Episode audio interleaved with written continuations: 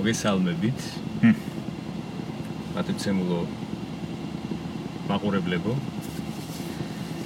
საქართველოს მაგის მომხარეულთა ჯგუფის წევრებო, არა მხოლოდ იქითაც გვერდით ბანაკიდან თუ ვინმე გვიყურებს, თერ მოგროვდეს ხალხი და მე ვთქვათ რა ხდება.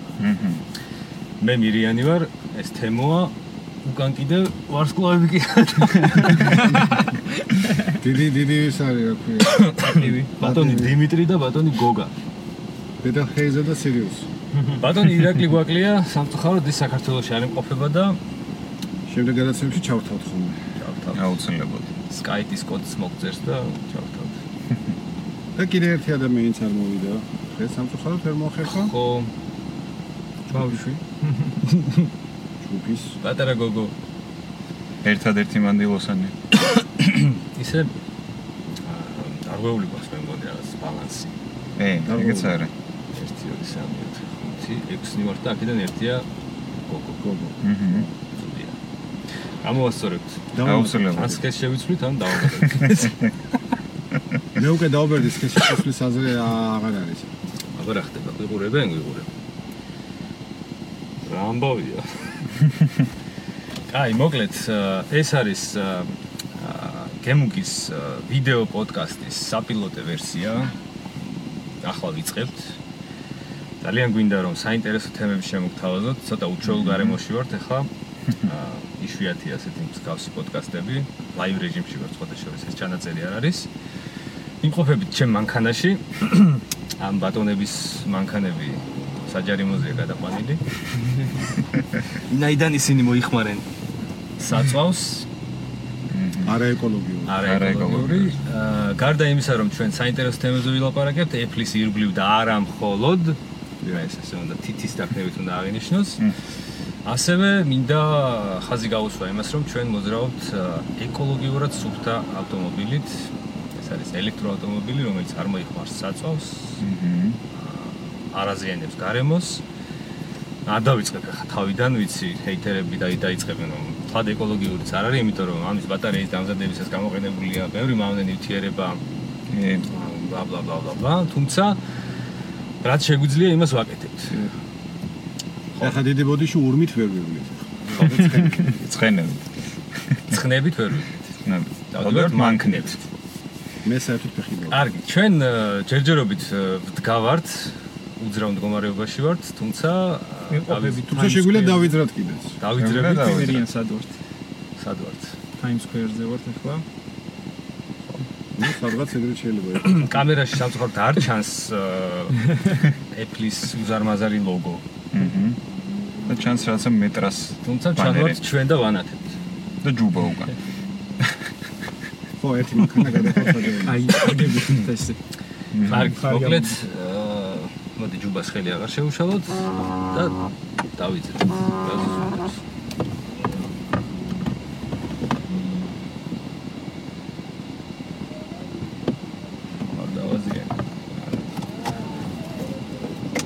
ნუ გზაში შეიძლება ტიმ კუკი შემოგვიერთდეს. თუ მოიცა როგორც იმის გადაცემაში, ხო? კარგი, სად მივდივართ და რას ვაკეთებთ? მოყევით ახლა რა სულ მე უნდა ვიყარაკო. აა ჩვენი პოდკასტი ყოველკვირეულად გავხოვნე. სავარაუდოდ ალბათ სამშაბათს ან მოთხშაბათს დღეს, აი ესეთ ლაივ რეჟიმში, რა თქმა უნდა, აუცილებლად ვიდეო ლაივში იქნება.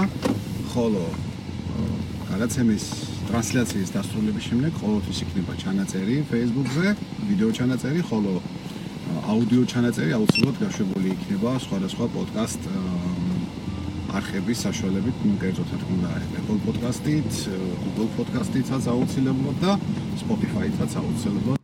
ჩვენ დავუბრუნეთ. ვაშა. ჩვენმა კამერამ. არა, უშავს. დაი პირველი ზარი ეთერში. ბაბადიეთ ცოტა ცირედი ტექნიკური ხარვეზია. აჰა, ოთო ეხლა ვაკეთებთ ჩაწერას გადაცემისას გემუგის პოდკასტის პირდაპირ ეთერში ვართ და აი ზუსტად მაგ თემებზეც ვისაუბრებთ ცოტათი გაკვირით და დაგირეკავ როგორც კი გადაცემას ჩავწეთ. აჰა, მართლა ზარი, ეთერში. მართლა ზარი იყო ეთერში. პირველი მაყურებელი. საიდან იყო? ეს იყო ერთ-ერთი ქართული ოფიციალური რესელერ კომპანიის წარმომადგენელი არის. რაზეც მე ეს ცოტა მოგვიანებით შესაძლოა დღევანდელ გადაცემაში არა, მაგრამ მოგვიანებით ვისაუბროთ. მოკლედ, დგება ძალიან სასიხარულო და საინტერესო თარიღი 27 სექტემბერი, დღე, როდესაც საქართველოში ოფიციალურად დაიწყება ახალი iPhone-ების გაყიდვა. ეს რა თქმა უნდა ძალიან კარგია. და დღევანდელი გადაცემა შეგვიძლია პრინციპში მიუძღვნათ iPhone 11, 11 Pro-ს და 11 Pro Max. შეგვიძლია რა როგორ მოგეწონათ? მეგობრებო, ახალი მოდელები. მე მაქვს მანდვე არის კითხოს, მაგრამ ცოტა გვერდით რა ეს დევს თავისთვის. ყველა გაქიშდა მწვანე ფერზე. ყველა გაგიჟდა მძონე ხოლოდ Pro-ს ფერსტაკი ესაუბრებ, ხო ალბათ? თუ ჩვეულებრივ 11-ის წვანესაც. არა midnight პროს პროს აქვს რაღაც განსაკუთრებული. Midnight Green. midnight green მუქი რაც არის კამუფლაჟის გაგიჟდა მწვანე ფერზე მით. მე ძალიან მომეწონა მინდა გითხრა. მეც არ გავგიჟდე აქვე მაყურებელს ვეთქვი რომ შეგიძლიათ კომენტარებში დაწეროთ რამე, კითხვა, ან რა ვიცი. კითხვა ან რამ რომელი ფერის მოდელი მოგეწონათ ყველაზე მეტად? და რატო? და რატომ? მე პირადად 11-ს ვიღებ, ჩოლებრივ 11-ს, აი ბაცი-ბაცი მწვანე ფერის რომ არის, ნუ გადავხედე, გადმოხედე. მე რა თქმა უნდა ფარფო არა, არა, ის იასამის ფერია. მე ძალიან კი მინდოდა რომ შარშანდელი 10 ერი ერში რო იყო მარჯნის ფერი. აა უნდა ყოფილიყო ეს ფერი, მაგრამ ნუ სამწუხაროდ არ არის და ნუ რა ვთქვა. მაშინ ავგებინო მწვანეს ავიღებ. ხო, იმ ბაც მწვანეს. რა ვიცი, პასტელის ფერი რო არის. ხო, ძალიან ხო, სხვათა შორის შარშანდელ მოდელებისგან განსხვავებით, ეხლა სადაც ძალიან კაშკაშა ფერები გამოიყენა, იყო ეს მარჯნის ფერი ძალიან კაშკაშა ყვითელი ძალიან ლურჯიც ძალიან ხასხასა იყო. ახლა აწლევანდელ მოდელებში, უბრალო მოდელებში, 11-ებში ფერები არის ძალიან პასტელი, ძალიან ბაცი, სუ- სუ- ისეთი სასიამოვნო ფერებია და ძალიან თვალს არ გჭირს. ის წითელიც კი პროდუქტ რედ რაც არის და თქვა რომ ის გაყიდვიდან შემოსული თახის არც ნაწილი გადაირიცხება შიცთან ბრძოლის საერთაშორისო ფონდში, რაც რა თქმა უნდა ძალიან კარგია. ის წითელიც ისეთი სადღაც აი მარჯნის ფერთან ხე ჩემი თვალების კოლბები როგორ ხედავენ, არ ვიცი ხო, მე იმ რაღაც იმ მარჯნის ფერს მიმამსგავსე. შეიძლება ის ეგ წითელიც კი ავიღო, აი ჯერ ცოცხლად მინდა ვნახო მაღაზიაში და იმის შესაბამისად მე ვიმშელებ. ხო მე რაღაცა საჭირო გაყიდვების სტატისტიკა რა შემოგაშვებოთ რაც სამი ლარი. გვაქვს იმის მიხედვით პროებში იყიდება ყველაზე მეტი ჯერჯერობით მწვანე და 11-ში არის წითელი ყველაზე მოთხოვნადიო ხო არა? ესე დაიწერა რამოდენიმე წყაროზე აა, ძალიან საინტერესოა.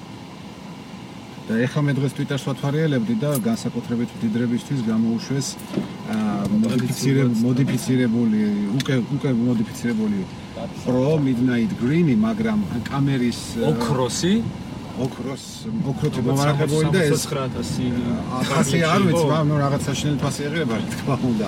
და ეს გვერდითა ფოლადის ჩარჩოც ასევე ოქროს ფრათ არის გადაკეთებული. ხო შეიძლება ძალიან ეფექტურად გამოიყურება პრინციპში. ნუ თუ ძალიან ბევრი 1000 დოლარი გაქვთ. არ გვაქვს. წინა არ წელს გვაქვს? გახსოვთ ალბათ არა, ნუ იქნებ აყურებელს კონდეს კაცო. კონდეს სულ. აი ჩვენ მივადექით ახლა თბილისის თვალ თვალმტარ წარმტაც აბა აბა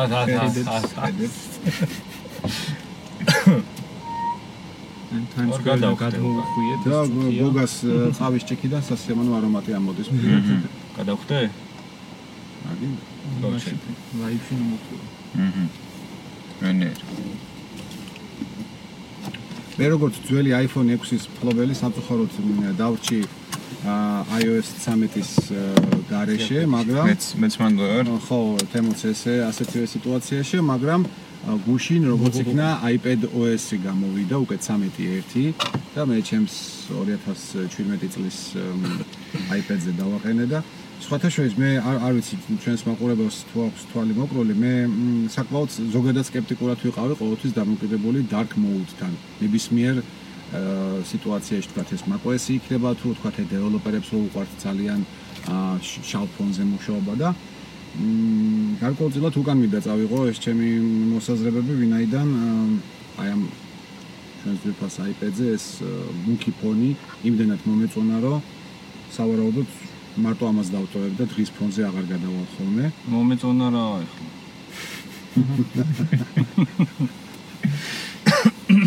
კარგი იყო. იგი იყო.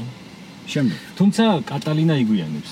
კატალინა ებიანებს ოქტომბრის ასე ესე იგი საიტზე წერია რომ მოგვიანებით ოქტომბერშიო მეთქოლსკეს ეს მოგვიანებით შეიძლება ოქტომბრის ბოლო რიცხვიც იყოს მაგრამ როგორც ეს ვინაიდან სამშაბათობით გამოდის ხოლმე განახლებები მოდი კალენდარში ჩავშჭიტოთ ოქტომბრის ბოლო სამშაბათი 29 მოკეთ ან 22 ან 29 ოქტომბერს შეიძლება macOS კატალინაც ვიხილოთ ჩვენი კომპიუტერებისათვის. შვენი. კი ისე იდეაში ახალ ივენტს ველოდებით? მეგონი არა ხო შემოდგომაზე? არის. მაკების ივენთი. არა, მაკების არა, მაკები გა- განახლდა, რაც გასაახლებელი იყო ამ ზაფხულს და ერთადერთი ძალიან თეორიული და ნაკლებ შესაძლებელი ივენთი შეიძლება ოქტომბერში მოხდეს და ძალიან თეორიულ მოწყობილობაზე. ეს არის როგორ თქვა? არა სამგანზომილებიანი, არამედ დამატებითი რეალობის სათვალეები. აი, augmented reality. აგვერდეთ რეალიტეტი. გაჟონა ინფორმაცია. გაჟონა როგორც წესი არის ძალიან ჟანგიანი მილებისგან არის ნაზადებული ეთქობა ეს ყველაფერი ჟურნალს ჟურნალს ეთიკა ის სანტექნიკოსია საჭირო მე პრაქტიკა შეიძლება მაგანაც ხონდა რაღაცები გადაზომოს ხო კიდე რა არის მერიანი რაღაცებს ათვალიერებს და ნახოთ იქნება რამე საინტერესო ინფორმაცია ნახოს არა ვცდილობ AirPods-ში ხმა ამოვაღებინო ტელეფონს. აჰა. როგორზეა? ხო, სხვათა შორის მეგობრებო, ჩვენ გვექნება ასევე რუბრიკა Apple-ის ძველმანები, ახლა ეს გზადაგზა მოვიფიქრე, მე შეიძლება შევცვალოთ, სადაც შევეცდებით ხოლმე გაჩვენოთ Apple-ის ადრე-ადრე გამოშვებული მოწყობილობები, რაც ჩვენ მოვიძიეთ. დღევანდელი საპილოტო ვერსიის სტუმარი არის გაგიკვირდებათ და Apple-ის ფოტოაპარატი, რომელიც თემოს აღმოაჩნდა. აი. და აი ესეთი ძალიან ლამაზი ყოხტა ფოტოაპარატია 90-იანი წლებიდან ჯერ კიდევ სტივ ჯობსი დაბრუნებული რო არ იყო კომპანიაში და რო დაბრუნდა 97 წელს მთელი ეს მოწყობილობები ერთი ხელის მოკრით გადაყარა და დატოვა ესეთი მაგიური კვადრატი რომელშიც 4 4 4 მოწყობილობა ეტეოდა ასე ვთქვათ ეს კი სახლის კომპიუტერი დესკტოპი, სახლის ლეპტოპი, პროფესიული ლე- ლეპტოპი და პროფესიული დესკტოპი.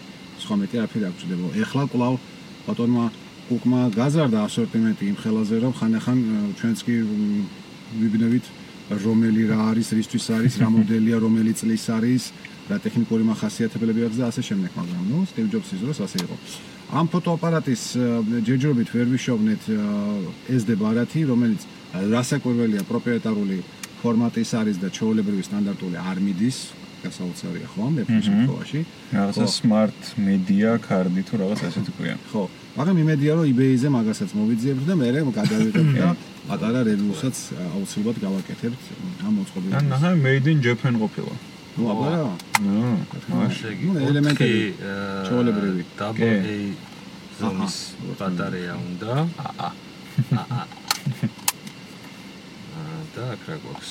მან ვიდეო აუტი გვაქვს, ვიდეო გამომავალი. საოცარი. გვაქვს აური კაბელი. მაგით ხარ გაუშვათ ხოლმე live-ში.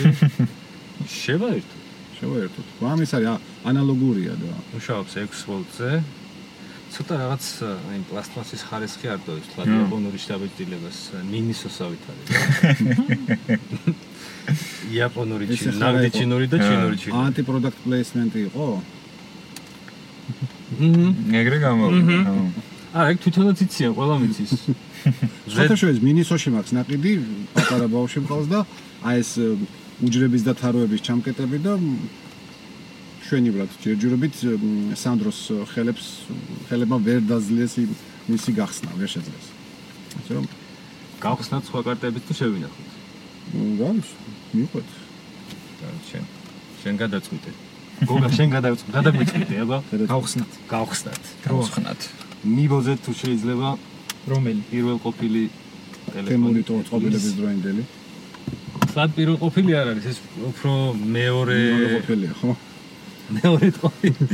ეს არ არის 4 გიგაბაიტიანი ვერსია. ეს არის უკვე სტანდარტული ვერსია. ხო, შემდეგ გამოსული, ანუ ის პირველ ვერსიას არ ქონდა აა არაფერი არ ქონდა საერთოდ რაღაც ხატულები, ტელეფონი, რაც პირველ პრეზენტაციაზე გათქვა სტივმა. ხატოს პრეზენტაციაზე ნამდვილი ტელეფონი არც იყო, იქ ნახატები ჩანდა მარტო. ამაზე უზამაზარი სტატია არსებობს, იმიტომ რომ არ მუშაობდა რეალურად OS-ი და პრაქტიკულად გააკეთეს მულტფილმი და სტივის თითის დაჭერას ძალიან სინქრონულად დამხმარე ოპერატორები, ხო, არა იმე ფიქრობ რომ რამდენიმე ადამიანი იყო, ამთხოვდნენ იქ გამოსახულებს. ხო, ნუ ახლა მოკლედ პირველი ტელეფონი იყო iOS 3 ვერსიით. არა, 1 ნოლ ერთი, ვერსიით, ერთი ნოლი, 1 ნოლ ერთი ვერსიით. სადაც როგორც ტივმა თქვა, იყო მულტიფუნქციური კომუნიკატორი, ინტერნეტი, ტელეფონი, მესიჯი, რაღაცა კიდე არ მახსოვს რა იყო. ну კალკულატორი მოკლედ, რომელიც თან რეკავდა კიდეც სატელეფონო ზარებს ახორციელებდა, ეს იყო ამერიკული მობილური ოპერატორის AT&T-ს აა, ბრენდის ქვეშ გამოსული. ხო და შემდეგი 2 წლის განმავლობაში ექსკლუზიურად მხოლოდ AT&T-ს ჰქონდა და ძალიან წვალობდით მაგის გამო. ბლოკი მაშინ არ იხსნებოდა. ანუ ოპერატორი ნოემბერში მოიხსნა, მე უკვე ნოემბერში მქონდა 2007 წელს. კი, მახსოვს აა, ეს ეს ჩემი ტელეფონი არა, ჩემი ტელეფონი მალევე გავყიდე, როცა ვიყიდე. ეს მე ვიყიდე, რაღაც ნაწილები იქით აქ რაღაც გადავაწვე, გადმოვაწვე და გამომივიდა შვენიერი ტელეფონი. ან ესეთი მაღალი ყუთი იყო. და ტელეფონის გაემძნა. ევროპული ვერსია თუ არ ვწდები, ამერიკული დაბალი იყო უფრო, იმიტომ დამტენი პატარა აქვს. ხო. ესეთი საყვარლობა იყო. რაც მე ამ ტელეფონზე წიგნები მაქვს საკითხული. ეს არის ეს არის iPhone 10 10s Max-ი. ეს არის პირველი iPhone. ახლა ხას გვედობს მაგარია. გავსი გავსი კი. ფოტო. აა ბოლო ბოლო ნახევარია, ხო? რა თითქმის რა ახლა ვიღაც კი წამომიდგენია ზომის შედარება. ზომის ეკრანზე როგორ უნდა წაიკითხო წიგნი. აა ახერხებთ. არის ხალხი. ერთზაფხულს 7 დღეში 9 წიგნი მომახერხე. ზღვიდან ჩამოვედი თეთრი. ეს ტელეფონი მუშაობს მხოლოდ 2G ქსელზე და ზემოთ აღნიშნული ქსელი ამერიკის შეერთებულ შტატებში გამოირთო რამდენიმე წლის წინ, ვცდები და აღარ მუშაობს ეს ტელეფონი. ჩვენთან იმუშავებს. მუშაობს შეულებრივად სიმღერას ჩადებ, გამომიყენებია კიდეც მეც პერიოდი რაღაც ტელეფონი რაც არ მქონდა, ამ ტელეფონით ვიარე რამდენიმე დღე. გახსოვთ ალბათ ყურსასმენის ჯეკი 3.5 მმ-იანი, რომელიც იყო ჩაწეული და მიდიოდა მხოლოდ ან იმ დიამეტრის აა, ბუდიანი ყურსასმენის ჯეკი, ან მხოლოდ Apple-ის ყურსასმენი. ან გადამყვანილი. ამაზე იყო მთელი ამბები. ამერ გადამყვანიც ქონდა მაგის მახსოვს ხმა. ხლაცა. და ჩემთვის ყველაზე რა ამ მოდელში გასაცოფებელი ის იყო რომ ვიდეოს არ იწერდა. თუმცა CD-ს დაყენების შემდეგ ნუ CD-ს თუ დააყენებდი და ანუ იმითი ჯეილბრეიკები და ამბები CD-ს გაში საერთოდ საქართველოს არც იმუშავება. ხო აქვე მინდა დავამატო მეგობრებო რომ იმ შვენიერ გასაოცარ პერიოდში როდესაც iOS მოდელი გამოვიდა და რამოდენიმე ძალიან ჭკვიანმა ჰაკერმა ჩვენი ჩრდილოეთ მეზობლები მეზობლად მეზობლად არსებულმა ჰაკერებმა მოახერხეს მისი გატეხვა. შესაბამისად მე გემუგი პირველი იყო ვინც ქართული კლავიატურა გააკეთა iPhone 2G-სთვის და მე 3G-სთვის და ასე შემდეგ და ასე შემდეგ მანამ სანამ Apple-მა ისევ გემუგის აა მეცადინეობით და კონკრეტულად ჩვენი ირაკლის დახმარებით რომელიც ახლა სამცხარო ჩვენთან ერთად არ არის აა ჩაამატა აა სტანდარტული კლა- სისტემური კლავიატურა macOS-ში და iOS-ში. ეს იყო ერთადერთი ტელეფონი, პირველი და ერთადერთი, რომელსაც მოყვებოდა დოკი. კი კი, მე რეფმა ჩათვალა ძვირი იყო ამის საკეთება და საინტერესო. გაიაფო. იცი. და აქ კონექტორის ირგვლივ არის ჩა- ჩაღრმავება ბუდე, სადაც ტელეფონს ისედებ რომ, რა ვიცი, აწევ გამოწევ არ ყანყალებს და არ მეგონება რომ მოუტეხავ აჰა. კონექტორს და მე გამოშვებული ეს 7-ის დროს გამოუშვეს. ხო, გამოუშვეს მე იმ ახალი დოკი, სადაც Lightning-ის კონექტორი არის ამოწეული ჰაერში და ზედ უნდა დასვა ტელეფონი და რა ვიცი. მე ბავშვი რომ მივიდეს ხელი დაადოს, მოუტეხავ. კი მაგრამ Apple-ს ასე უნდა და შენ ვინ გეკითხე? ანუ ეს დოკები ხაცა იყიდება? კი. ეთქო თანამედროვე ტელეფონებისთვისაც. სამწუხაროდ სულ ეს არის არ მაქვს უსასმენი არ მაქვს ორიგინალი დამტენი ორიგინალი კოსმოსმენი მაქვს ინსტრუქცია სადაც არის Apple's fingertips და პროდუქტის შესახებ ინფორმაცია სტიკერები გააქვს? არა მე მაქვს და ესეც საინტერესო ილუსტრირებული ინსტრუქცია იყო როგორ გამოგვეყენებინა ტელეფონი. ეს არის სულ, რაც გჭირდება იმისთვის, რომ პირველი iPhone-ი გამოიყენო. და არა ის როგორც არის ხოლმე. ციგნები რომ მოყვებოდა არა, ეხლა სხვათა შორის ამასთანაც გადავავლე თვალი და არა, ადრე ვამბობ. ხო, არა, ეხლაც ა, თქვათ iOS-ის შესასწავლად უკვე 200-300 გვერდიანი ციგნები გამოდის. macOS-ისთვისაც ერთი 500-600 გვერდიანი. ასე ზამთ რთულდება. სახელმძღვანელო როგორ როგორ გამოვიყენოთ ტელეფონი? როგორ დავრეკოთ? როგორ დავარეკოთ? როგორ დავრეკოთ, როგორ გავრეკოთ? ეს ჩვენი მეორე რელიკვია. არე მოაჩვენოთ ესეც. აჩვენოთ. ნებეთ. ეს არის პირველყოფილი iPad-ი. შვენიერ ფორმაშია. 150 ლარად ვიყიდე სხვა შორის. 4G ვერსია და ერთი ძალიან საინტერესო ამბავი ჩაიტვირთოს და გაჩვენოთ. ეს არის აა wireless plus 3G ვერსია, ანუ სელულარი, მობილურ სელსაც იჭერს, სიმბარათის ჩასადები აქვს. და ეს იყო ასევე ერთადერთი და პირველი აა რომლის შემდეგაც უკვე ამოკეთეს ეს ნახრეტი iPad Air-ის მიერ გამოშვებული, რომელსაც შეუძლია ზარების განხორციელება, შეუძლებელი მობილური ქსელით და SMS-ების გაგზავნა და მიღება. აჰა. აი ამ ეს ამისთვის საჭირო არ იყო, ხო? jailbreak-ი. ამისთვის საჭირო იყო jailbreak-ი და აა არ მახსოვს ქვეყანა რომელი ხო ისრაელი ისრაელმა მგონი ჰაკერებმა დაწერე დააპორტირეს iPhone 4-ის მაშინდელი აპლიკაცია ტელეფონის აპლიკაცია აჰა. ნუ პირდაპირ მეკენა ნომერს კრიფტო და რეკო. მაგრამ ეს უნდა მიიდო ყურზე თუ ყურსასმენით Bluetooth ყურსასმენით ან ან ჩვეულებრივი. 3.5 მმ-იანი ჯეთის ფოსო აქვს. შენ მოსწავლეს ფოსო. ფოსო. აა ჩვეულებრივი ზუსტად ის აპლიკაცია არის დაპორტირებული iPad-ზე, რომელიც იდო iPhone 4-ის აა, iOS რომელი? რომელი ხაცა. აი იყო, აპლიკაციაც. ჩვეულებრივად რეკავ გზავნი SMS-ებს და გირეკავ. სხვა შორის ერთ სასწაულო ამბავი. როცა ეს iPad-ი მქონდა გამოსვლიდან 1 წლის შემდეგ ალბათ. პატარა ჩანთა მქონდა ეს ამ ზომის ხარზე გადასაკიდი და ეს ხარზე გადაკიდე. და ნაუ ყურსასმენით და ლაპარაკობ. გზაში ხომ მიდიხარ მუსიკას უსმენ ყურსასმენით, რა რაზე გაქვს შეერთებული ვისი რა საქმეა ხა. ესე იყო გვერდზე, არ ჩანდა თან. და როგორც ტელეფონი ესე ვიყენებდი გარკვეული პერიოდის განმავლობაში. ეს ეს ჩვენი iPad 1 რომელიც ჯერ კიდევ თვით სტიუმა წარადგინა. და მაშინ ჩაწერილი აპლიკაციების რაოდენობას მიაქციეთ ყურადღება. 4 5 6 7 აი ეს აპლიკაციები რომელსაც აქ ხედავთ უმეტესობა აღარ არის ხელმისაწვდომი Apple-ის აპლიკაციების მარკეტში და გადმოწერილი დარჩა და შემრჩა ასე ვთქვათ და restore-ს არ ვაკეთებ ცხად თავი არა, ასე ყურელია. მარც უნდა გავუკეთო.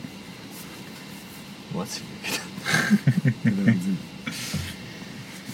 აი, ანუ რაღაც თანამედროვე თემებს რო დავუბრუნდეთ, და გამოვიდა რა. დაუბრუნდეთ 27-ში, როგორც გადაცემის ხო. დასაწყისში ვთქვით.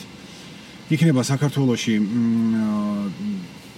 მ, დაწყე და სტარტი გაყიდვებისა. და ჩვენ ძალიან დიდი იმედი გვაქვს რომ ერთ-ერთ პირველთაგანს გვექნება შესაძლებლობა მივიღოთ რევიუსთვის ეს მოდელები iPhone 11, 11 Pro და Pro Max-ი, ну როგორც მინიმუმ ორი მაინც ამ ამ სამიდან. და თქვენთვის მოვამზადოთ სრულფასოვანი და ძალიან დეტალური რევიუები როგორც ტექსტური და ნაწერი, ასევე ვიდეო რევიუ ყოველ მიზეს განაშე. მ, დიმა, მოდი შეგაწყვეტნებ, აქვე დავამატებ, რადგან გამახსენდა, ვინაიდან ჩვენი ეს პოდკასტი არის საპილოტე, ნოლი, ჯერ არაფერია, არც დაგეგმილი გვაქვს არაფერი, ჩავსხედით მანქანაში, ჩავრთეთ კამერა, შევაერთეთ MacBook-ზე და გავედით live-ში მოკლედ და აა მინდა გა- ჩვენი სპონსორი და ჩვენი მხარდამჭერი on-off-ში ვახსენო. ძალიან დიდი მადლობა მათ იმისთვის რომ შესაძლებელი გახდა გემუგის ახალ ლეველზე აყვანა. კი ბატონო. აა ჩვენი ურთიერთობა დიდხანს გაგრძელდება და საკმაოდ ნაყოფიერი იქნება და ერთმანეთს ისეთ კარგ რამებს უკეთებ, რომელიც გვეხმარება ერთმანეთის განვითარებაში. აა რაც შეეხება iPhone-ზე გამახსენდა, ხო, ახალ iPhone-ზე, აა თუ ყოველ- ყოველთვის ისმის კითხვა, აბა სად ვიყიდო, სად ჯობია, ფასი, პირობები რაღაც კი. შევბრძანდით on-off.gz-ზე და იქ ნახავთ ყველა იმ მაღაზიას, რომელსაც გაყიდვის უფლება აქვს საქართველოში, არა მხოლოდ არის კიდე რამდენიმე მაღაზია. და იქ ნახავთ ფასების შედარებას, ნახავთ ვის უფრო დაბალი ფასი აქვს, აა, ვინ სად იმყოფება, რა მისამართია, აქვს თუ არა რაოდენობაში და კურიერის მომსახურებას უფასოა თუ არ ვწდები. საიტიდანვე შეგიძლიათ შეუკვეთოთ და კურიერი მოგართოთ თქვენთვის სასურველ მისამართზე და თუ არ მოგინდებათ ნივთის დატოვება, გატესტავთ რა თქმა უნდა. მხოლოდ ამ შემთხვევაში გადაიხდით მიტანის საფასურს და ნივთს წაიღებენ ისე უკან. და აქ საუბარია არა მარტო Apple-ის ტექნიკაზე, არამედ ახლა უკვე on-off-G-ზე ძალიან ძალიან ბევრი საინტერესო და იქ იქ- არის ყველაფერი. ყველაფერი იქ არის. არ ვიცი ნახეთ, მაცივარი არის თუ არა, მაგრამ იქნება. ეგეც იქნება. Samsung-ის. არა, მე მაქვს Samsung-ის მაცივარი, ვაღიარე. Samsung-ზე გამახსენდა, Samsung-ი არა, მაგრამ Hisense-ის მაცივარი მაქვს და ჩინური. აა პრაღიდან ჩამოვიტანეთ გრძელი პრაღიდან სადღაც ვიყავით და ჩამოვიტანეთ გრძელი რაღაც მაგნიტები როა რა. ხის სახლები არის პატარა და ზუსტად იმ ლოგოს ფარავს რა. თქვენ მახსოვს შენ და მირიანს Samsung-ის ტექნიკა რაც იყო სახში ყველაფერზე Apple სტიკერი იყო ხო? ახლა მე ჩემ Samsung-ის მაცივარზე ზოგადად აი ეს მაგნიტიკებს რო ეძახიან, ისინი ბლომად ყავს მიკროლები. ყველა იქ არის ხო, სადაც ლოგო. რასაკურველი. ლოგოებით არის გადაფარული. კარგი, მოკლედ დავაანონსოთ შემდეგი გადაცემა, ჩავდიდეთ რეჟიმში, რაღაც გეგმა დავსახოთ, ხალხი დავიბაროთ და დავამთავროთ დღევანდელი live. ამას გარდა ისიც უთხრათ, რომ 30 წუთი გამოგვივიდა. პოდკასტებში გვეყოლებიან ისეთი სტუმრები, რომლებიც არიან აა Android-ის და Windows-ის მომხმარებლები რასაკურველია. და აუცილებლად. ანუ სიმბიანსაც დაუძახებ პრობლემა თავარი თემები იქნება მათთან კიდე ერთად არიან ცოცხლი. განხილვები სხვა სხვა კი. ტექნიკების. ფანდრიან ფანდრიანი Nokia-ის მომხმარებლები? თქმა უნდა. შემორჩნენ Nokia-ის მომხმარებლები. მე მაქვს. რას ლაპარაკობ? რას ლაპარაკობ? კომუნიკაციების მარეგულირებული კომისიის სტატისტიკა ნახე ამას წინათ. ერთ-ერთი უმრავლე დიდი პროცენტი მაგათ ექნებათ. არის Android-ის მომხმარებელი, არის iOS-ის მომხმარებელი და დიდი ნაწილი არის სხვა. ამ სხვაში ითვლება ან არა OS-იანი ტელეფონები, ან სხვა რაღაც სიმბიანები და ჩინური და ნუ რაღაც გარკვეული პროცენტი Windows Mobile-საც ექნება ალბათ, ხო? ეს განვითარებადი ქვეყნის სცენია საერთოდ unknown ბრენდების ტელეფონების სიმრავლე, იმიტომ რომ ფასი დაბალია და ხელმისაწვდომობაა მაღალი. სხვა შორის მე დღემდე მაქვს Windows Mobile-იანი Lumia 640, რომელიც თავის ფუნქციებს შვედურად ასრულებს. ფოტოსაც იღებს, ფოტოშოუს, ფოტო, ვიდეოებს შვედურად იღებს. ხო, და სხვა შორის ერთ-ერთ განახლებამდე აა ვდებდი, აა, ცოცხალი თავით ვერ ხედავდა D-დისკად. C დისკი აქვს იქ და D-დისკი. რა? D-დისკი. დისკი. ხო და ერთ-ერთი განახლება მე მოვიდა და მე ერთო დაინახა D-დისკი და ძალიან ბედნიერი 32 გიგაბაიტი დაემატა. ერთ-ერთმა მომხმარებელმა წარმატებები გვისურვა. ძალიან დიდი მადლობა. ანა PT PT როგორ იკითხება არ ვიცი ზუსტად. დიდი მადლობა ანა, დიდი მადლობა. პიტი. აი ანა. და მირიამს თქო კითხვა გაიმეოროს, ან უფრო დააკონკრეტოს ვერ ვერ მივხვდი კითხვის. პირველი სიტყვა ცოტა ცუდად იკითხება რაღაც. არ ჩანს. ახალ iOS-ზე უკეთესია თუ არაო და ანუ თქვა მე ესე მივხვდი არსებული ტელეფონების გადაყვანა ახალ iOS-ზე. მეგობრებო, ჩემი პირადად ჩემი მიდგომა ამ საკითხისადმი არის ასეთი, რომ როცა გამოდის ახალი ვერსია iOS-ის, უნდა დააყენოთ. მორჩა. Apple-ის მიერ სანამ რეკომენდირებულ სანამ თქვენ ტელეფონი გაძლევთ საშუალებას რომ მიიღოს განახლებები, აი iPhone 6-ზე მორჩა უკვე. iPhone 6-ის მზე ჩაესვენა. სამწუხაროდ iPhone 6s-ის მზე ჩაესვენება გაისად. გაისად, მე 7-ისა და ასე შემდეგ.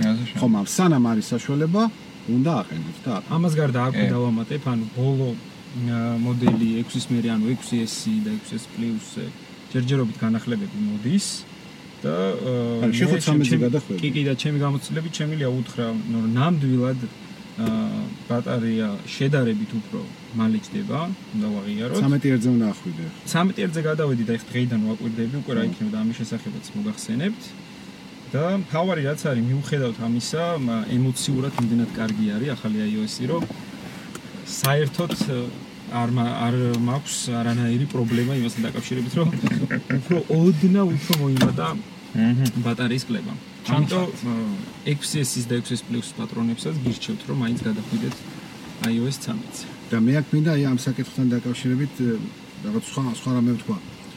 ნუ იფიქრებთ მეგობრებო, რომ ჩვენი პოდკასტები იქნება მხოლოდ და მხოლოდ კომპანია Apple-ის და მისი პროდუქტების ხოტბა დიდება და სამწუხაროდ ჩვენ მიგვაწერენ ხოლმე ფანბოობას, ე, ფანბოი, ასე ვთქვათ, ანუ ფანობას რაღაც fanboy-ობა. ხო, ეგ უკვე ცუდად ზე. უარყოფით კონტექსტში, რომ როდესაც ადამიანი ვერ ხედავს ნაკლს და ნაკლსაც კი დადებით დადებითად აფასებს და ასე შემდეგ. არავითარ შემთხვევაში ჩვენ ყოველთვის ვხედავთ და ისევე როგორც სხვებს ჩვენც არ მოგწონს ხოლმე კომპანია Apple-ის მიერ ჩადენილი რაღაც უცნაური საქციე გადაწყვეტილებები. არის შემთხვევები. Apple-ს რა Apple-ს თვითონ Apple-ს არ მოსწონს თავის ე, აქციები. ხო, ნუ ის იმას არ მოსწონს, იმან ცივი წყალი დალიოს. თუნდაც მაგრამ- Air- Air Power-ის ამბავი შეგვიძლია გავიხსენოთ. ხო, თუნდაც. და ამ დროს სხვა კომპანიებმა მშვენივრად გამოუშვეს თითქმის მასეთივე უსადენო დამტენი. და Apple-ის წარმომადგენელმა გვითხრა, რომ ის არ აკმაყოფილებდა Apple-ის სტანდარტების ხარისხს და აქედან გამომდინარე ცოტა შე- ანუ არა ესეთი ნორმატიულად რომ ისეც არ ვეთქვა ბებიამ ტკლაც. ხო, ასე რომ ჩვენი გადაცემა ჩვენ მაქსიმალურად ვეცდებით რომ ვიყოთ ობიექტურები, არა მხოლოდ Apple-ის ტექნიკის ტექნიკასთან მიმართებაში, არამედ თუ ჩვენ გვექნება ხოლმე საშუალება რომ განვიხილოთ რაიმე Android მოწყობილობა და ტელეფონი, აი მაგალითად გუშინ Xiaomi-მ გამოუშვა ძალიან უცნაური იქ სამივე ვერსია თქვი Xiaomi, Xiaomi, Xiaomi. ხო, მე რომელიც- გამოვიკიდოს. Xiaomi. Xiaomi. ანუ რაღაც ძალიან უცნაური ჩემთვის პირადად ძალიან უცნაური მოდელი ტელეფონისა Mix Alpha. ხო რომელიც სავარაუდოდ 2800 ლარი ეღირება და უკვე ამ ფასით გადაუჯობრა ლარი თუ დოლარი? ლა- დოლარი დოლა- დოლარი და Samsung Fold-ს გადაუჯობრა ევროს. და ძალიან საინტერესო კონცეფტია მაგრამ აი, რამდენად გაამართლებს მე პირადად ეკრანი უკნიდან გვერდებიდან ქეც აქ უკვე რაღაც ქეცბაია გამახსენდა ამდენი ეკრანი მე არ გამიგია. იქიდანაც და აქიდანაც და და აი ეს აი ეს აი არ ვიცი მაგრამ თუ თუ თუ ჩაგვივარდება ხელში ეს მოდელი ოდესმე აუცილებლად შევაფასო ვისაც ეს მოდელი არ უნახავს, შეგიძლიათ გუშინ ჩვენო პეიჯმა ატვირთა პრე- პრეზენტაციიდან პირდაპირ გადაღებული ვიდეო. შეგიძლიათ ნახოთ რომელ მოდელზე არის იქ ვიყა, იქ უნდა ყოფილიყავით. აქვე შოტიკომ გვითხრა რომ მიხარი ასეთი გადაცემა საინტერესო ფორმატია წარმატებას გისურვებთო და მადლობა დიდი მადლობა მადლობელი, შეთქვით. ჩვენც ამის მადლობელი. იმედი გვაქვს და დენზე ვარ, შოთა, დენზე. რომ საინტერესო გამოგვივიდეს დენზე ვართ ვაშინგტონი აა? კარგი მეგობრებო, აა, მოდით მოურჩეთ აა, ჩვენ საპილოტე გადაცემას. ხალხი დაინტერესდა, მადლობას გვეუბნებიან, მადლობა თქვენ პირიქით, ვინც გვიყურეთ. აა დარბაში არ წყდება ოვაციები გარეთ არის დარბაზი, არის აქ არა, არის ის უბრალოდ ინათიოვაციები. აა და ჩვენ შევხვდებით როდის? დღეს რა დღეა 4 შაბათი ეს არის ეს არის 4 კი, შაბათი. შაბათი. სხვათა შორის 4 შაბათი არის ძალიან მაგარი დღე ეს არის კვირის შუა სამუშაო დღე, იმიტომ რომ ხუთი სამუშაო დღეა. ორი დღე უკვე მოთავებული გვაქვს, ორი დღეღა დაგვრჩა წინ შაბათკვირებისა და შაბათკვირა მოდის. მე და შენ გავიგებთ მაგ საკითხს ხო აჰა. და ამიტომაც მე ვფიქრობ 4 შაბათობით მაგის დატოვება კარგი იქნება. თან ორ შაბათს ამ შაბათს უკვე რაღაც კომპანიებს აქვს განცხადებები გაკეთებული, პრეზენტაციები ჩატარებული თუ ემთხვევა. კი, როგორც ეს სამშაბათობით ხდება ხოლმე, ხო, როგორც ამიტომ იმედად 4 შაბათს უკვე შეგვიძლია თავარია, თემების ორ შაბათი გადაგორებულია რა. რაც თავარი. ძიმე შაბათი კატეგორია. ძიმე, ვიცი, არის. ისთვის როგორ. მოგეთ, სავარაუდო დიდი ალბათობით 4 შაბათობით გამოვა ჩვენი გადაცემა ეთერში დაახლოებით ამ დროს 12 საათისკენ გველოდეთ ხოლმე პირდაპირ მოკლედ, შემდეგ გადაც შემდეგ კი არა, პირველი გადაცემისთვის ქუდსაც გავაკეთებთ, რაღაცა გვექნება, რაღაც შარფსაც? ხო. ცოტა გავლამაზდებით, მაკიაჟს არ ვიკეთებ, მაგრამ არ არა, დაგჭირდება. ავიკეთოთ. გრიმიც სადაც დაგჭირდება. დავიკეთოთ. და აი აქ მეხუთე წევრიც დაგვემატება. ხო, ჩაიტევა. ცოტა კი. დავიკლებ. პატარა გოგოა ჩაეტევა. მე გადავშლები წინ. კარგი, მოკლედ, კიდევ ერთხელ მადლობა. აა ეს იყო ჩვენი საპილოტო გადაცემა, გემუგი არასრული შემადგენლობით, მაგრამ მაინც დროებით გემშვიდობებით. მადლობა რომ გიყურეთ. Stay tuned. აჰა. დროებით. დროებით. ნახვამდის